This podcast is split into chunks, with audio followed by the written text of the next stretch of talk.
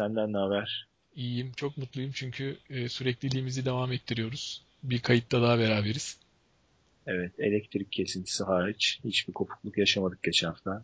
evet evet. Bakalım e, umarım biz kayıt yaparken de bir elektrik kesintisi olmaz. Laptopsızlar düşünecek ona. bu arada bu bölümde bir konuğumuz var. Onunla sohbet edeceğiz. Yine konuklu bir bölüm. Bence böyle biraz daha farklılık katıyor bizim e, koşturmacanın e, rutinine. İyi oluyor. Sen de aslında yeni tanışıyorsun değil mi? Ben daha önce tanışmıştım. Ben ee, de işte gıyaben anlatılanlardan, sen konuşmalardan. Evet. O da bizim gibi koşucu, amatör bir koşucu.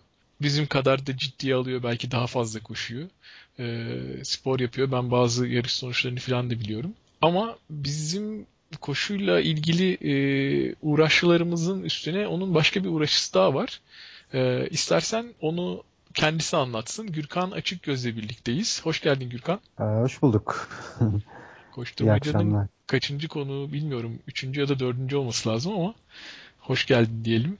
İstersen sen kendini bir miktar tanıtarak başla. Ee, hoş bulduk. Ne güzel böyle bir ortamda beraber olmak. Evet ben de koşuyorum yani. Koşudan hayatını kazanan e, bilmiyorum kaç kişi vardır. E, ben de başka işten hayatımı kazanıyorum ama hobi olarak da koşuyorum amatör olarak da. E, farklı belki e, şunu söylemeliyim. Evet benim tip 1 diyabetim var. Şeker hastasıyım. Dolayısıyla biraz daha fazla şeyleri gözetmem gerekiyor koşarken de. Bunun üzerine de tanışmıştık zaten. Yine evet. bir yarış sonrasıydı. Yanın, evet, evet Antalya evet. Ranatolya sonrasıydı. Hı hı hı. Yani benim e, çok ilgimi çekmişti. Çünkü yani koşu ile uğraşıyoruz ve e, en çok uğraştığımız şeylerden bir tanesi de koşu sırasındaki e, enerji, enerji tüketimi, öncesinde beslenme, sırasında, sonrasında beslenme filan. Böyle e, diyabet dediğin zaman iş biraz böyle çetrefilleşiyor. E, hmm. Diyabetliyken koşmak ayrıca bir böyle e, dikkat, bilgi, deneyim vesaire gerektiriyor. O yüzden benim çok ilgimi çekmişti. Programda da bunu konuşalım istedim. Evet, benim epeyce üzerine kafa yorduğum bir konu. Ee, mesela yarışlardan önce en çok bilinen şey, koşu yarışlarından önce karbonhidrat yüklemesidir. Böyle işte makarna partileri falan hatta bu yüzden de e, verilir. Hı hı. E, ama şey de yani benim belki bir tek yapamadığım şey budur koşu, toplam koşu konusu içerisinde. Çünkü karbonhidrat depolamak e, gibi bir şey pek mümkün değil diyabette en azından. Onun yerine yarışta beslenmek, koşuda beslenmek, koşu sırasında beslenmek, ne kadar ihtiyaç var onu tespit edip ona göre bir şeyler almak evet. gibi bir yönetim gerektiriyor aslında.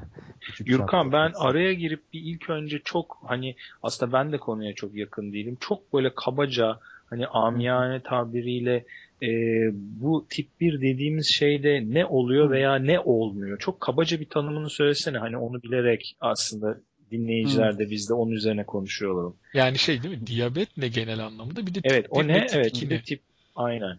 Ee, doğru aslında biz hemen böyle patlanak girdik. Ee, diyabet aslında şeker hastalığı diye bilinen e, hastalığın e, tıbbi adı. E, bunun da tipleri var. Tip 1 diyabette e, bir kere pankreasta insülin salgılayan yani yediğimiz karbonhidratlardan dönüşen glikozu enerji olarak e, kullanılabilmesi için vücudun insülin denilen bir hormona ihtiyaç duyar. İnsülinle e, glikoz hücre için alınıp enerji olarak kullanılıyor. O da bizi koşturuyor. E, şeker hastalığında, diyabette bu insülin ya yok e, ya da yeterli miktarda değil veya hızı yeterli değil. Ee, buna göre tipleri ayrılıyor zaten. Hmm. E, yeterli olmayan veya hızı yeterli olmayan tip 2 diyabet dediğimiz daha çok e, ileri yaşlarda ortaya çıkan bir şeker hastalığı türü. Hmm. E, tip 1 diyabette ise e, bu insülin salgılayan hücreler bir şekilde yok oluyor. Yani e, otoimmün e, bir şekilde yani vücut kendi kendine o hücreleri yok ediyor. Dolayısıyla hiç insülin salgılayan bir e, hücre yok tip 1 diyabette. Bu ama şey bayağı sıkıntılı bir durum yani koşucu için. Yani koşucu normalde de yani yanlış mı anlıyorum enerji oluşumundan bahsediyoruz. Hani bu kolunu kaldırıp kapıyı açmak için de bir enerji gerekiyor sonuçta gün içinde. Doğru ve bu enerjiyi sadece glikozdan e, kullanabiliyoruz aslında. Normal e, fizyolojisinde sadece glikozdan elde ediyoruz. Glikoz da hücre içine alındığında ancak e, enerjiye dönüşebiliyor. E, onun içinde evet e, şeker hastaları insülin kullanır. Özellikle de tip 1 diyabetliler dışarıdan belli periyotlarda kendilerine insülin enjekte ederler. Benim de yaptığım gibi. Yaklaşık 23 senedir. Hmm. Peki şey bu şimdi biz koşucular olarak yani bizi de dinleyenler de hep böyle bizim gibi amatör koşucular.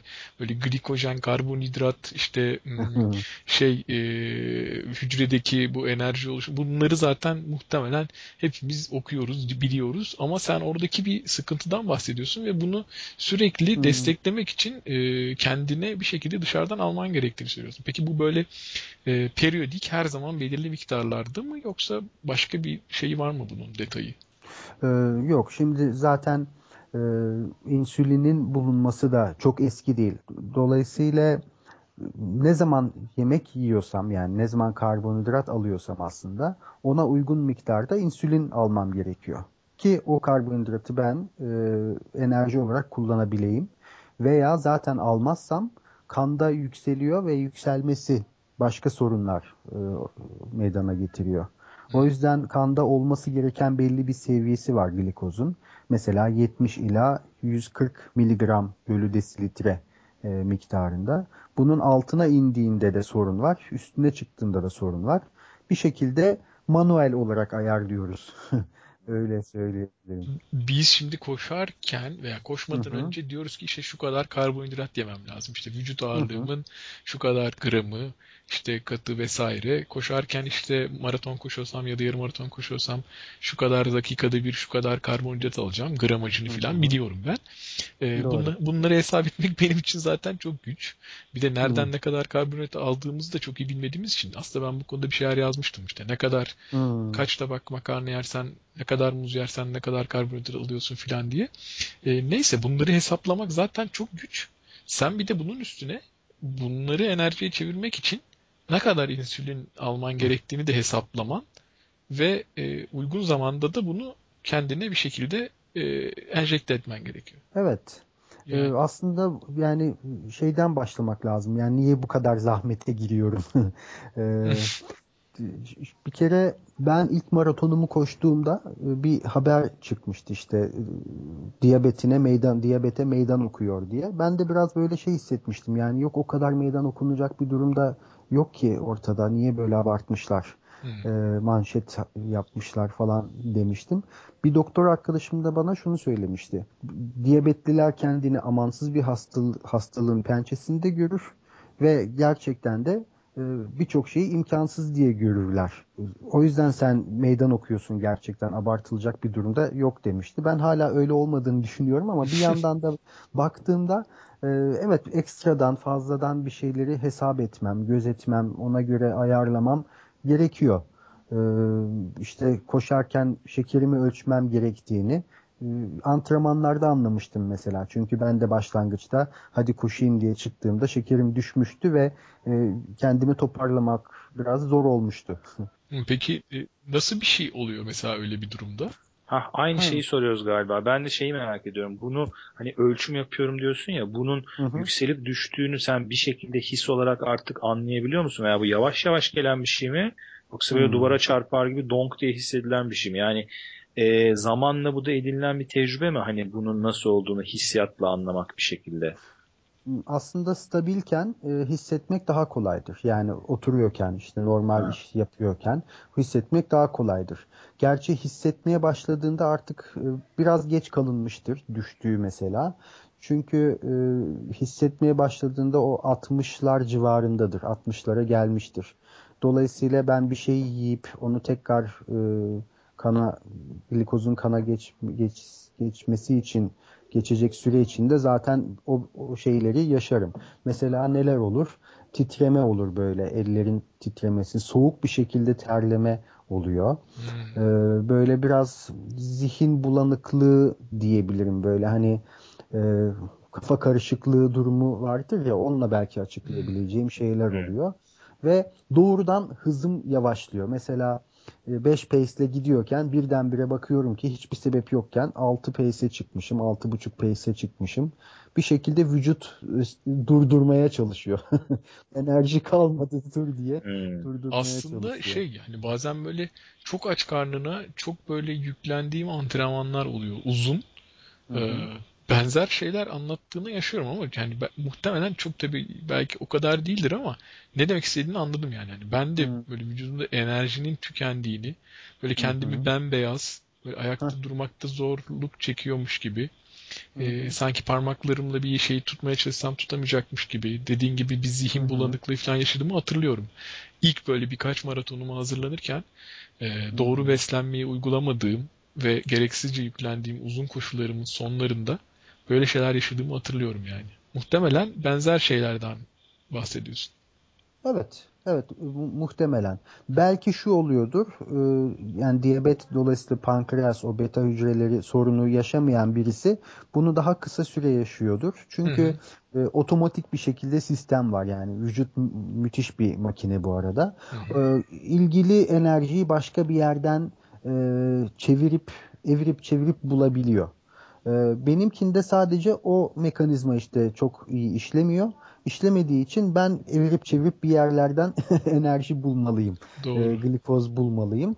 Onu evet. yapıyorum sadece farklı olarak aslında. Evet yani ben mesela durup işte böyle bir e, karbonhidrat içeren bir soğuk içecek Hı-hı. içtiğimde hemen böyle bir dakika içinde fark ediyorum o düzelmeyi. Hı-hı. Muhtemelen Doğru. sende o daha uzun bir süreç alıyor. Belki daha sıkıntılı bir şeyler oluyor yani. Evet, e, özellikle de uzun koşularda mesela işte maraton gibi 42 kilometrelik mesafede e, şeker seviyemi yüzün altına düşürmemeliyim. Çünkü bir kere yüzün altına düştüğünde toparlama süreci uzun sürüyor. E, bu da nereden baksan bir 3-4 dakika demek. Hmm. Bir de kötü his demek. Yani Tabii. o koşunun akışı bozulmuş oluyor. O yüzden böyle uzun koşularda e, biraz daha e, dikkatli davranıyorum. Mesela saatime alarm kurdum. E, 20 dakikada bir beni uyarıyor. 20 dakikada ben de şekerimi ölçüyorum. E, yüzün yüzler civarındaysa hemen bir karbonhidrat takviyesi yapıp aynen devam ediyorum. Şimdi bir dakika ama. Şimdi koşuyorsun bir yandan da nasıl ölçüm yapıyorsun? Ben e, O biraz şey, e, daha önce de bana söylemiştin ama benim çok böyle aklıma yatan bir şey olmamıştı o zaman. Çünkü bir de yarışta da yapıyorsun. Hadi antrenmanda bilmiyorum da bir onun bir nasıl yapıldığını bir anlatırsan. E, tabii.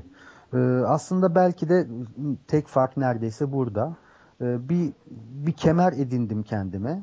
E, o kemerin içinde işte alabileceğim ve kolay e, tüketebileceğim karbonhidratlar var e, şeker ölçme cihazı var. Şeker ölçme cihazı dediğimizde artık çok küçüldü. Yani ilk kullandığım şeker ölçme cihazı 2-2,5 kilo civarındaydı. Of. Ve öyle evet mobil civa mobil mobilize etmek de pek mümkün değildi. Ama şimdiki böyle bir elektronik saat büyüklüğünde ee, işte onun yanında bir parmak delici, küçük e, parmağıma delik açıp oradan kan çıkmasını sağlayan bir e, Lancet deniyor buna da. Hmm. Bir tane öyle küçük bir kalem, e, kısa bir kalem diye düşünelim.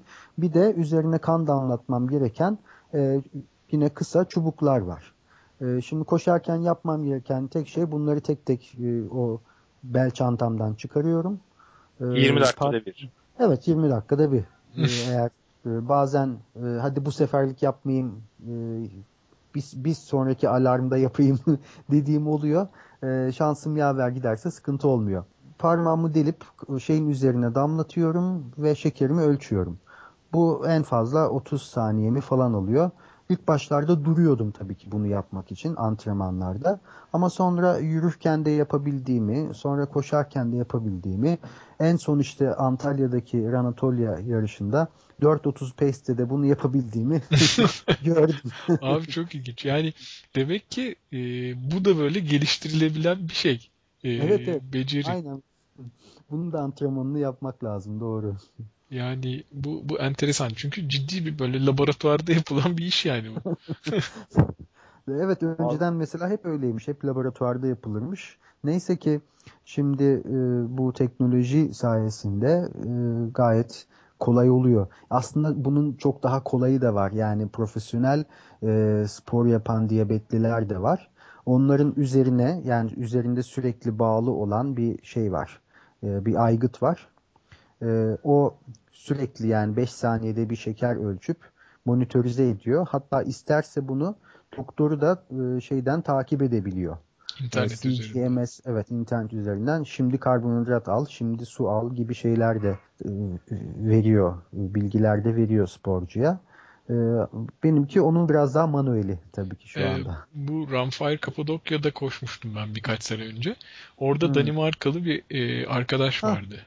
Ee, Soren. Ha, Sören, Sören evet. Sören o da e, sanırım ben, benzer e, aynı, durumdaydı. Aynı tip diyabetli o da. Evet. evet ve onda bahsettiğin o cihazdan vardı. Galiba o, o belli e, range'lerde ya da aralıklarda diyeyim e, sinyal veriyor, uyarıyor ve o da durup e, besleniyordu. Öyle öyle bir şey hatırlıyorum. Doğru.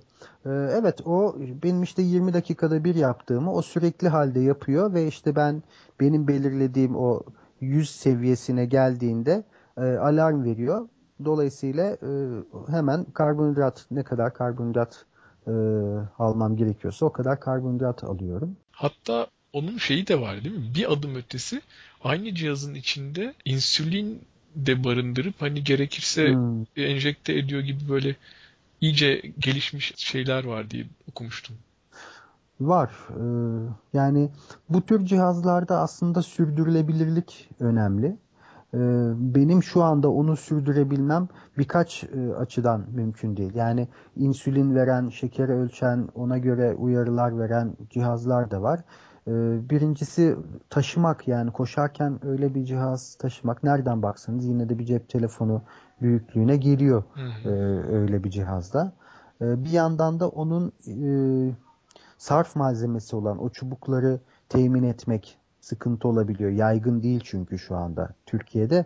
ilk bahsettiğimiz o sürekli e, şeker ölçen cihaz da yaygın değil. Dolayısıyla onun e, o sarf malzemelerini bulmak da sürekli halde bulmak da çok kolay değil. E, onun için ben eldeki malzemeleri kullanarak ne yapabiliriz diye baktım ve şu anki benim ihtiyaçlarım en azından karşılıyor. Yine de takip ediyorum tabii böyle daha kolay, iletişimi de kolay sağlayabilen e, cihazlar var e, bildiğim kadarıyla geliştirilen. Ama gene de büyük uğraş yani ben hani koşarken kağıt bardakta alıp su içmeyi beceremeyen bir adamım yani. Şu anlattıklarını... o zor ama ya kağıt bardakta. Bu tam kolay. Zor gerçekten. ben şimdi geçen hafta konu açılıp hani Gürkan'ı davet etme olayı gündeme gelince aklıma şöyle bir şey geldi. Bir e, 4-5 sene önce okuduğum bir kitap vardı Running Through the Wall diye. E, Türkçesi hmm. yok. E, aşağı yukarı 20 civarında ultramaratoncunun anıları.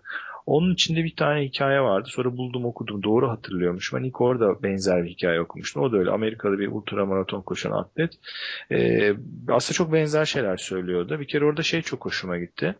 Ee, hani sen demin şey dedin ya e, diyabete meydan okuma aslında bence doğru değil diye ben anlattıklarını dinleyince sanki şey demek daha gibi doğru gibi geliyor şu söylediğin zihniyetten dolayı. Hani aslında sen diyabete meydan okumuyorsun da diyabetlilerin zihniyetine meydan okuyorsun. Yani hani karşı çıktığın şey hani o savunduğun şey o gibi geliyor bana. Yani hayır bu öyle o kadar da e, korktuğunuz hale getirilecek bir şey değil. Bakın bu şekilde de becerilebiliyorum savunuyorsun gibi geliyor. Çünkü o da onu diyor. E, bunu çok küçük yaşta öğrendim diyor. Babamın bana diyor en büyük katkısı şu oldu diyor. Babam bana her zaman evladım senin kimseden hiçbir farkın yok. Hayatta her şeyi yapabilirsin. Sadece gerekli planları da yapman gerekiyor dedi ve ben bu zihniyette büyüdüm diyor ve bu sayede koştum diyor. Mesela o da şeyi anlatıyor. Ee, yanında taşımaktan ziyade ilk yarışında mesela parkuru dolaşıp e, çeşitli yerlere, istasyonlara kendisine şeyler saklamış. İşte yiyecekler, içecekler ve malzemeler saklamış önceden ve onların yerlerini hatırlamış. Hani mesela öyle bir plan yaptım diyor. Aslında çok basit bir şey diyor ama bu sayede diyor işte 50 kilometre koşabildim mesela diyor. Yani o şey olayı hep e, benim de dikkatimi çekti orada. Yani bunu böyle bir e, nasıl diyelim hayatın akışına engel olacak bir şey değil. Sadece gerekli planlamayla e, o yönden bakarsan e, bilekis hatta belki motivasyon bile sağlayabilecek bazı şeylere yani fokus olmanı anda sağlayabilecek bir şey haline getirdim diye anlatıyordu. Ee, çok güzel. Yani evet ben buna ben de buna meydan okuyorum. Şimdi gerçekten neye meydan okuduğumu daha iyi anladım. Ee, çok güzel ifade ettin Ilgaz. Ee, tam da bu. Yani ben geçen sene e, bütün diyabetli çocuklar kamplarına da gidip aslında bunun gibi şeyleri anlattım. Yani diyabet sizin e, eliniz kolunuz gibi, işte saçınızın rengi gibi, gözünüzün rengi gibi size ait olan sizin bir özelliğiniz. Bununla bununla yaşamayı ne kadar e, kendin istersen ve kendine yollar bulursan e, seni hiçbir şekilde hiçbir şey için engellemez. İşte beni 50 kilometre koşmaktan engellemiyor. E, aslında bakarsam o kadar çok sebebim var ki yani ne diye oturayım evimde niye koşuyorum ki o kadar. E, ama ben bunu istiyorum yani koşmayı istiyorum. Diyabetimle bunu nasıl yapabilirimin yollarını e, aradım, buldum. Kendime göre yöntemler buldum. Evet bir yerlere yiyecekler saklamak da çok iyi bir fikir. e, işte bir sırt çantasıyla yani ben yarım maratonu bile bir bel çantasıyla koşuyorum. E, o da bana ekstra bir yük olmuyor. Varsın benden 2-3 dakika götürsün ama ben de işte dünya rekoru peşinde koşmuyorum ama kendime göre her yarışı da kendi koyduğum hedefi en azından tutturabiliyorum. Peki ben şimdi bunu sen anlatırken e, aklıma şey geldi. Bu nasıl başladı yani? Şimdi muhtemelen hani şey, şeyden bahsediyorum nasıl başladı derken. Yani genelde böyle tip 1 diyabet olanlar ya ben bu hayatı sürdürürken epey bir zorluk çekeceğim galiba filan diye böyle düşünüyorlardır anladığım kadarıyla. Ya da tahmin ettiğim kadarıyla. Ama sen bir de böyle bir yandan da ya bir de bunun üstüne koşayım filan yani bu fikir nasıl oluştu ya da ilk düşündüğünde e, ya olur mu olmaz mı gibi tedirginlik yaşadın mı? Onu merak hmm. ediyorum. Yani nereden mesela koşmak geldi aklına? Şimdi aslında bu bize de soruluyor ya nereden geldi koşmak hmm. aklına diye. Şimdi biz bizim için soru e, bir şey e, garip bir soru. E, senin için bile iki kat hani böyle bir şey oluyor. Hmm, evet ben de çok sık karşılaşıyorum bu soruyla sorularla. E, aslında diyabetim ortaya çıktığında benimki geç ortaya çıkan bir tip 1 diyabet. Çünkü tip 1 diyabet genellikle yani istatistiklere göre daha küçük yaşta işte böyle 5-6 yaşlarında ortaya çıkıyor. Benimki e, 20 yaşımdayken ortaya çıktı. 20 yaş böyle önemli yaşlardır ya böyle birçok şey oturmuştur işte Tabii. böyle biraz daha e, akıl bir karış daha havadadır şimdi olduğundan falan. E, ama ben hep böyle hareketliydim. Yani hep spor bir şekilde vardı. Böyle düzenli atlet olarak değil de ne bileyim atlayıp işte bisiklet turu yapmak, işte e, rafting yapmak falan bunlar hep yapa geldiğim şeylerdi. Evet diyabet ortaya çıkınca e, o zaman teknolojide bu kadar e, ilerlememişken yani diyabetle ilgili e, cihazlar anlamında. O zaman e, evet yani birçok doktorum da bana hop bakalım yani sen bir dur bakalım artık artık öyle hoplama zıplama dedi. Etrafımdan daha çok insanlar dedi bunu tabi. E, ama bu yani çok kabullenmek istediğim bir şey de değildi. Yani bunun bir yolu olmalıydı. Bir reddetme süreci olur her diyabetlide de veya her kronik hastalıkta da. Yok canım benimki öyle değildir. Belki geçer benimki gibi bir kısa bir süreç de oldu. Ama zaten bütün e, gerçeğiyle yüzleşince de o zaman bununla nasıl ilerleyebilirim? Bununla nasıl devam edebilirim? E, mi düşünüp başka sporlar yapıyordum. Yani koşu ilk seçtiğim spor değildi. Mesela ben motor sporları da yaptım. E, arazi, motocross. E, orada derecelerim de var hatta. Evet, daha kısa süreli e, şeylerde çok büyük bir sıkıntıyla karşılaşmadım. Aslında koşuya da e, motor sporuna biraz daha destek olsun diye başlamıştım. Yani kondisyonunu biraz geliştireyim koşarak hmm. diye başlayıp koşuyu daha çok sevip motoru satıp koşuyla motoru satan bilge şeklinde. Abi peki evet. motorla giderken de parmağımı delip 30 saniye ölçüyordum falan gibi şeyler anlatmayacaksın şimdi yok, değil mi? Yok yok hayır hayır. Onu yapmıyordum. Onda duruyordum gerçekten. E, çünkü o daha hızlı hareket eden ve e, benden daha fazla insana zarar verebilecek bir şey. Onu riske etmiyordum asla. Ya aslında şimdi biraz önceden beri konuşuyoruz işte yarışlara katılıyorum, koşarken ölçüm yapıyorum filan dedin. Aslında böyle şeyi de merak ediyordur bence insanlar. Yani bahsettiğin ne kadar bir hız yani. Demin 4.30 pace'te koşarken de ölçtüm dedin ama hmm. şimdi Rantalya'da yarım maratonu kaç koşmuştun mesela? Ee, 1.39. 1.39'da koştum. 1.35 hedeflemiştim. Hmm. Ee, 4 dakika neden olduğunu hala bilmiyorum. Hocam da bilmiyor. Yani sen 1.35'i antrenmanda koşuyordun. Niye burada 1.39 koştun diyor. Ee, havalar diyorum sadece. ya ama o yani e, biliyorsun benim de Antalya'da maraton hedefim çok ciddi bir oranda saptı.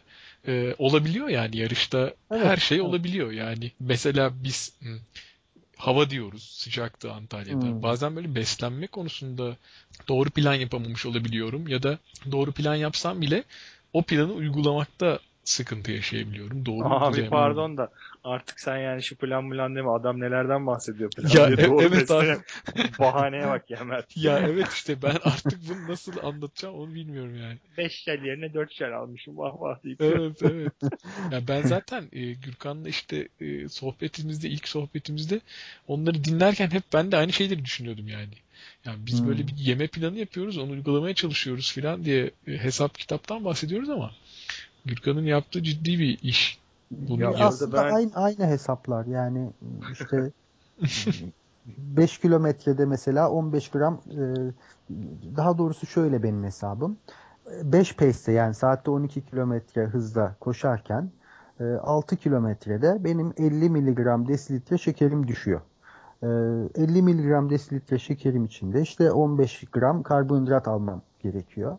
E, dolayısıyla 15 gram karbonhidrat beni 6 kilometre götürüyor gibi bir yakıt hesabım var. Evet evet senin 100 hesap... kilometrede kaç yakıyor Gürkan diye. Şehir içinde ama. diyor ya işte 5 pace'te falan diyor. Şehir içinde evet evet. O, o şehirler arasında 4.30'a falan çıkıyor anladığım kadarıyla. Klimayı açmazsa. Ya şey ama yani sen senin hesaplar çok daha e, şey yani biz hep konuşuyoruz, planlıyoruz ama yarıştan yarışa ben bazen unutuyorum. Neydi ya işte ne kadar da bir harcıyordum ben şu kadar gram karbonhidrat. Yani senin tabii bunu sürekli bilmen ve çok net bir şekilde bilmen gerektiği için şimdi mesela sen takır takır sayabiliyorsun. Evet evet yani bunu bunu bilmem gerekiyor. Koşmam için bunu evet hesaplamam gerekiyor. Yaz Gürkan Mert'in nasıl heyecanlandığını fark ediyor musun? Mert çünkü böyle data ve veri sapı olduğu için böyle işi bak kendinden geçti ve onu düşünüyor. Onu nasıl hesaplıyor. Evet, Şurada ne kadar oluyor değil mi? Evet. Ya biraz kıskandım yani. yo yo onunla arada... da zaten ilk sohbetimizde çok iyi anlaşmıştık. Onun öyle bir veri insanı olduğunu anlayınca ben evet. Detaylı anlatmıştım. Bu arada yanlış hatırlamıyorsam bir tane e, Mert'in çok sapıtık versiyonu var şu Jonathan Amerika'daki evet. şey adam. Hmm. Sanki iki Mert doğru hatırlıyor muyum sen düzelt yalnız. İki sene önce falan herif böyle çok acayip bir şey yazmıştı. Koşarken kan şekerini ölçebilecek bir cihaz bilen var mı ya da bilmem ne diye. Fakat adamın bir diyabet durumu yok. Herif sadece merak ve işte merak değerleri değil mi? Öyle evet, bir şey sormuştu sanki herif. Sürekli vücudunun belli şeylerini ölçme merakına giriyor abi. Abi herif çorapları hmm. falan tartıyor koştuktan sonra. Ne vücudu? Evet. Kaç gram ter çekiyor diye. tabii tabii işte bilmem ne diyeti kullanıyor işte yok işte sürekli yağ yiyeyim bir süre yok bir süre sürekli şunu içmeyeyim falan acayip acayip. Hmm. Geçen yine bir şeyler yazıyordu. Ben bilmem neyimi kontrol ediyorum. CK falan bir şeyler tam hatırlamıyorum ama. Yani yine bu dönemde insanı. evet evet çok. Ve onun da şöyle bir sıkıntısı var bildiğim kadarıyla. Onun da bir deri hastalığı var. Evet. Ee, hmm. Şimdi deri hastalığı da gerçekten ultramaraton pek e, anlaşabilen bir şey değil. Çünkü sürekli hmm. bir yerlerin su topluyor işte e, kıyafetli biliyorsun her yerimiz Güneş. sürtünmeden hmm. vesaire rahatsız oluyor. O da böyle onun peşinde bir de o evet yani data insanı deyince Jonathan'ın önüne kimse geçemez yani. Hmm. Sürekli her şeyini ölçüyor sürekli böyle acayip acayip aletler. Doğru söylüyorsun evet. Bir bir dönem kan şekeri de ölçme işine girişmişti o. Ha, hay Allah. Bilseydim arada, hemen söylerdim.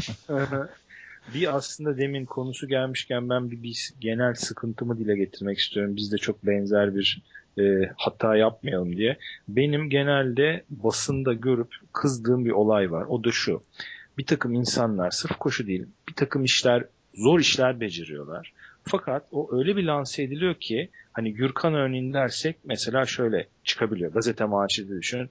İşte diyabetine rağmen koşuyor. Vay be diyabetli adam maraton bitirdi falan diye. Yani böyle yapılan iş zaten zor olan iş ve o başarı bir anda böyle ikinci plana düşüyor ve hani buna engel olan veya bunu bir sıkıntı haline getiren özellik diyelim böyle çok vurgulanmaya başlıyor. İşte bilmem ne geçen ilk işte Maaş Denizi'ni ilk yüzerek geçen kadın mesela alkışlanıyor. Ulan zaten kadın olsun erkek olsun yani maaşı yani geçiyor. Evet. Işte. Ha. Değil ya mi? Anladın mı? O bana mesela çok koyuyor. Biz de hani şey yapıyor olmayalım. Şunun için söylüyoruz. Yani Gürkan e, diyabet olayını bırak virgüller öncesinde zaten aslında çok canavar koşan, yüksek tempolarda ve başarılı koşan bir adam. Yani bunu ben vurgulamak istiyorum lütfen yeri gelmişken. Hani böyle olay şey olmasın.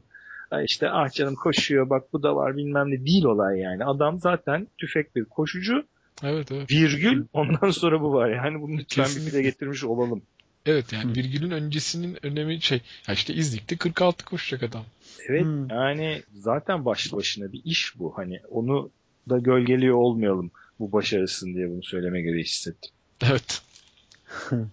Ee, yani koşuyorum evet koşuyorum ve yanımda diyabeti de getiriyorum. Ee, aslında çok farklı değil. Bir, bir tek şu var e, tabi demin senin söylediğine e, aslında ben, e, ben de söyleyeyim. E, diyabetliler evet bunu gerçekten engel olarak gören diyabetliler var.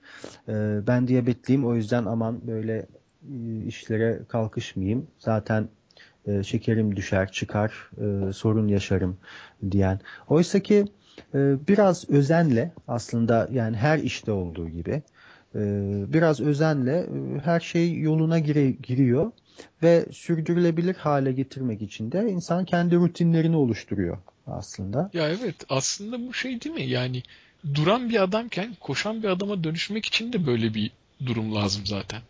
Evet yani, evet. Değil mi? Mesela böyle hayatımı yaşıyorum. Mesela ben arkadaşlarımla konuşuyorum. Abi benim hiç zamanım yok. Çoluk çocuk filan diyenler. Yani ama ben biliyorum ki çoluğu çocuğu ailesi işi hatta çok zor işi olan bir sürü insan tanıyorum. Ee, deli gibi koşuyorlar. Çok güzel yarışlar çıkarıyorlar vesaire. Yani aslında duran adamdan koşan adama dönüşmek için de böyle belli rutinlerini değiştirmen, düzgün plan yapman, verilerini bilmen, planını uygulamak için hayatında ufak tefek değişiklikler yapman gerekiyor. Bu da aslında onun paralelinde bir adım daha ötesi değil mi? Aynı şey evet, yani. A- aynen böyle özetlenir. Doğru. Benim, benim de çünkü arkadaşlarım var. Mesela duruyorken 120 kiloymuş. E, koşmaya başladıktan sonra şimdi böyle 75-80 kilolar civarında çok daha mutlu ve sağlıklı bir insan. Evet. E, aynı şeyler onun için de geçerli. Eminim 120 kiloyken koşuya başlaması onun için de çok zordu. Ee, ama başladı ve devam etti ve şimdi işte çok daha mutlu bir insan haline geldi. Evet. Yani mesela doğru doğru adımları atmazsan, doğru araştırmayı, okumayı yapmaz, neyi neyi nasıl yapacağını bilmezsen sadece koşarak da mesela kendini sakatlayabilirsin, düşebilirsin, başın dönebilir. Ee, işte beslen, beslenmeyi öğreniyoruz hepimiz uzun koşan insanlar olarak. Yani bunların hepsi e, bir şekilde e, planlı, programlı ve araştırmacı, meraklı olmayı gerektiriyor. Ben aslında şeyi soracaktım. Sen. E, bunun dışında da hayatında ya da bu ortaya çıkmadan önce de böyle planlı, programlı ben böyle bir durum var bunu öğreneyim ve bunu planlayarak uygulayayım diyen biri miydin yoksa bu mu seni öyle ona dönüştürdü? Yok abi hiç de öyle birisi değildim. Cidden böyle ha burada çok akşam oldu hadi burada kalalım yarına bakarız diyen birisiydim. yani ama bu şey e, de, nasıl diyeyim bence diyeyim o zaman güzel bir özellik katmış yani. Evet tamamen beni derledi toparladı yani. Hop dur bakalım sen burada yatacaksan önce şunları şunları yapman lazım. Bana öyle güzel öğretti ki yani şeyi tam da böyle planlı programlı olmayı. Şimdi plan program yapmadan e, adım atmıyorum. Yani, Epeydir evet. öyle aslında.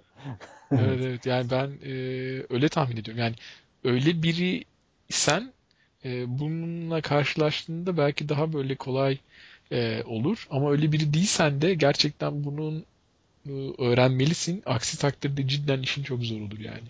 Evet evet aynen öyle. E, şimdi işte üzerimde hala koşu kıyafetlerim var çünkü sabah çok erken başlamıştı işim. O yüzden antrenmanı sabah yapamadım ama akşama kadar zaten yoksa bugün antrenman yapamayacak mıyım? Bugünkü antrenman kalacak mı şeyi devam etti. Neyse ki sonra işler falan bitince araya sıkıştırabildim e, antrenmanı. Dolayısıyla bir şekilde plan yapınca o plana uyun uymak zorunda hissediyor. Zaten e, bizim kadar koşan herkes de bunu yaşıyordur. Evet, evet, evet. yaşamıştır. E, evet plan yapınca mutlaka e, uyuyoruz o plana. Uyunca da zaten her şey yolunda gidiyor. Peki az önce bir şeyden bahsettim böyle bir yerlerde çocuklara anlatıyorum, konuşuyorum. Bu böyle sürekli bir şey mi bir kere mi oldu? Nasıl? Ha, aslında şöyle gelişti. İşte ben ıı, koşmaya başladığımda ha şekerimi de ölçüyorum. Ölçmem gerekiyor. İşte ölçünce o zaman nerede ne kadar düştüğünü görebiliyorum. Bütün bunları deneyimledikten sonra bir rutinim oluştu. Ha evet şimdi söyleyebiliyorum işte 5 pace'te 6 kilometre 15 gram karbonhidratla gidiyorum gibi bir matematiğim var. Ama bu oluşana kadar tabii epey bir deneme yanılma yöntemi gelişti.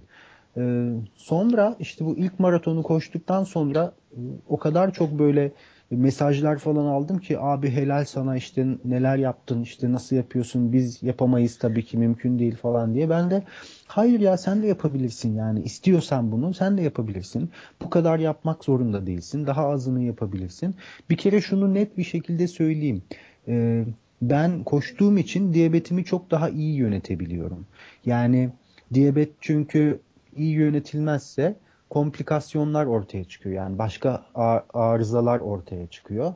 Bunlar da e, diyabetin sürecince e, süresince bekleniyor. Yani işte gözlerde sorun olabiliyor, ayaklarda sorun olabiliyor, böbreklerde sorun olabiliyor. Çünkü kanın akışı değişiyor aslında diyabet hmm.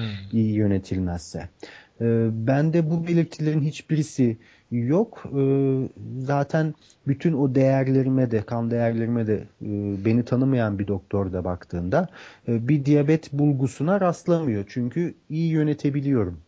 E, sporun buna çok katkısı var mesela. Mesela daha az insülin e, kullanıyorum. Çünkü aktivite de biraz insülin etkisi yaparak glikozu e, hücre içine almasını sağlıyor.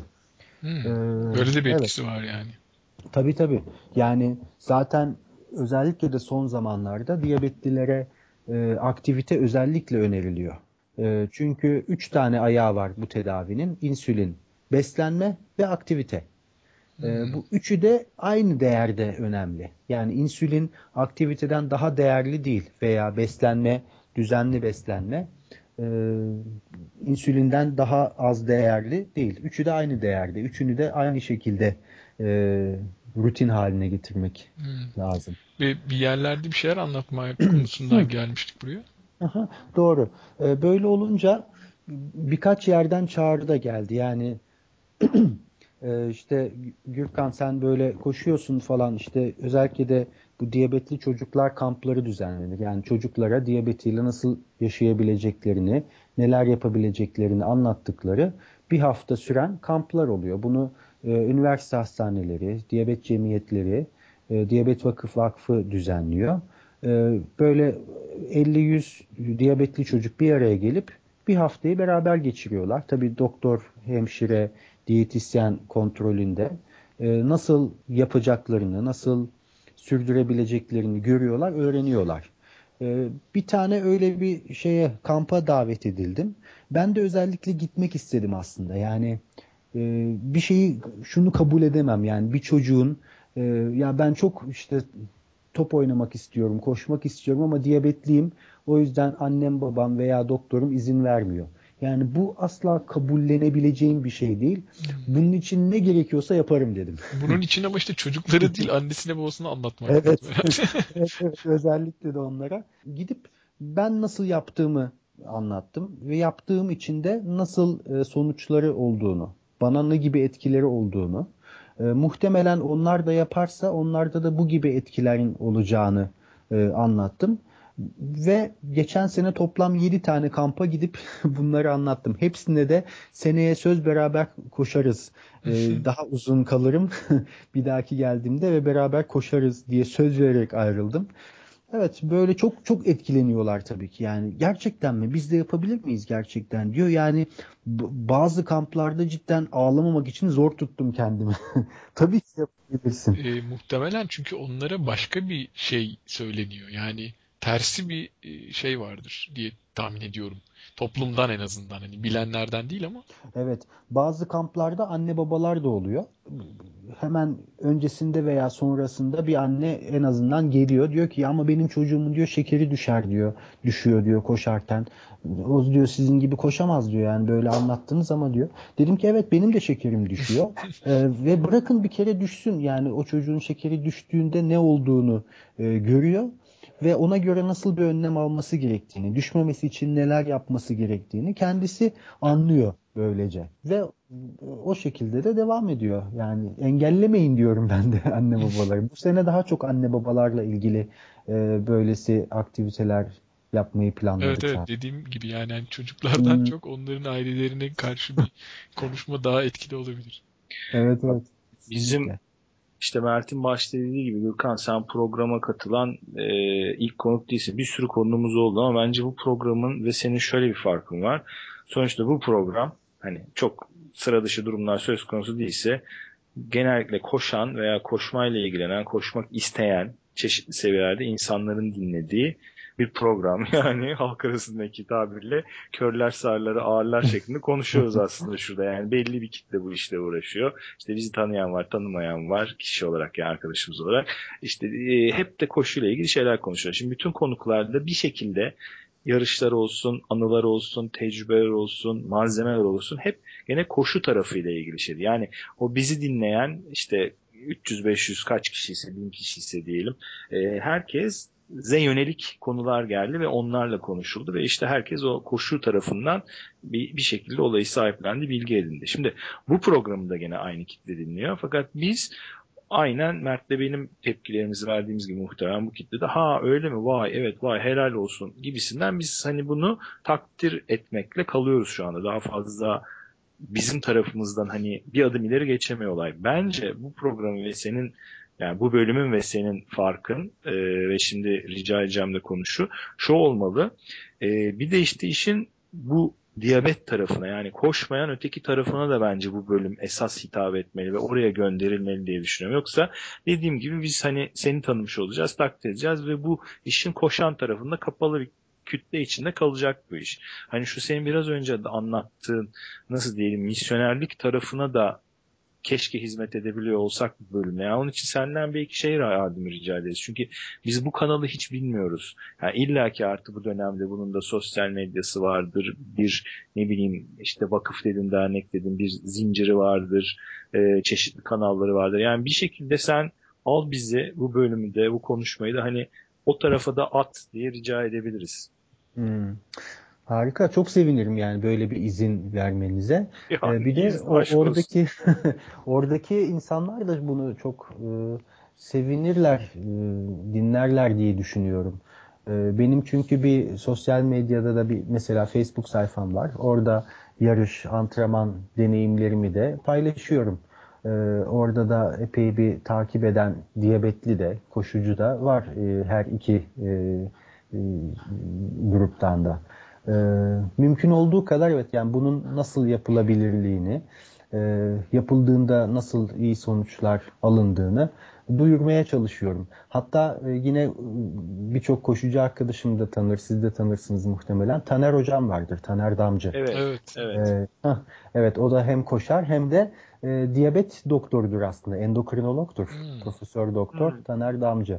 Yani tam da şeker hastalığının doktorudur. Zaten ben ilk böyle bu kadar e, koşmaya karar verdiğimde e, Taner hocama gittim. E, aradım taradım yani tanımıyordum kendisini. E, hocam dedim işte ben böyle bir adamım ve koşmak istiyorum. E, koş dedi. seni seni tutan kim dedi? Nasıl dedim işte işte işte şunları şunlara dikkat edersin. Şöyle yaparsın ve kendin bulacaksın dedi yani. Seni ne koşturuyor ne koşturmuyor ne kadar koşturuyor kendin bulacaksın dedi. Sonra ben onları uyguladım gerçekten. Ee, sonra Taner hocama tekrar gittim. Hocam yaptım oluyor çalışıyor dedim. E, işte sonuçlarda böyle falan anlatınca bunları kendine saklama hakkın yok dedi bana. evet. Abi süper cümle işte ya. Bu arada çok enteresan bir anekdot aklıma geldi. Kim anlattı tam hatırlamıyorum ama galiba Likya'nın ilk senesinde yani Taner Hoca da orada e, danışman ve işin içindeyken şeyi anlatmışlardı. Bu hani bilmeyenler için kısa bilgi verelim çok günlü ve bütün malzemeni yanında taşıman gereken yani bütün yakıtını baştan planlaman gereken bir yarış ya. Orada mesela Tamer Hoca direkt şey yapıyormuş. Herkesin çantasını kontrol edip bu ne? Kaç kilosun sen? Ne kadar bunun kalorisi? Hayır bu az. Bunu hmm, yetmez. Sana evet, evet. Hatta hatta birileri terslenmiş böyle olur mu? Bu kadar yetiyor bana. Ben bununla koşuyorum. falan diye de izin çıkmamış falan diye. Yani hani destek alman lazım diye. Demek ki oradan Demek ki hesap kitap. Runfire'da evet ben de tanık oldum yani. Çantanın hmm. hepsini döktürüp yiyeceklere bakıyordu böyle bu ne kadar şu ne kadar bu yeter bu evet. yetmez diyordu yani. Kalori hesabı da yapıyordu. Bu arada ben bu sene Likya yolu ultramaratonunu koşuyorum. O, ee, o 250 kilometre. Bütün hazırlıklarım da ona yönelik. Hatta Süper. İznik İznik'te onun bir şeyi e, Antrenman yarışı. Evet antrenman yarışı. Hı-hı. Gürkan bir şey daha danışacağım izinle kısaca. Evet bu işin uykuyla bağlantısı nasıl? Yani uyku da sonuçta bildiğim kadarıyla bazı hormonların farklı salgılandığı bir evre. Şunun için soruyorum. Şimdi bak e, Likya diyorsun e, veya daha uzun ultramaratonlardan bahsediyorsak yani normal insanın biyoritmi içindeki uyku düzeninin alt üst olduğu durumlardan bahsetmeye başlıyoruz. O bunu etkiliyor mu bir şekilde? Şimdi bazı bazı şeylerin doğrudan etkilediğini biliyoruz. Bunu ölçebiliyoruz da e, işte e, karbonhidratın karbonhidrat olmadığında işte yağın proteinin ne kadar etkilediğini, insülinin ne kadar etkilediğini biliyoruz. Ama bilmediğimiz bazı şeyler de var. Mesela stres ne kadar etkiliyor, ne kadar etkilemiyor. E, çünkü hep şey denir işte şeker hastaları çabuk sinirlenir falan gibi şeyler de söylenir ama bunun altında böyle net bilimsel bir veri yoktur. E, ama etkisi yoktur da diyemiyoruz. Uykunun hmm. da buna benzer bir şeyi vardır. Mesela ben kendi antrenmanlarımdan şunu söyleyebilirim. İnterval antrenmanı koşan ve koşuyu biraz daha ciddiye e, alan herkes yapmıştır. İşte çok hızlı koşup sonra yavaşlayıp sonra tekrar hızlanmak gibi. Bu interval antrenmanını ben sabah yaptığımda yani sabahtan kastım saat 6'da işte 6 7 e, civarında yaptığımda e, şekerim biraz daha farklı seyrediyor mesela. Yükseliyor.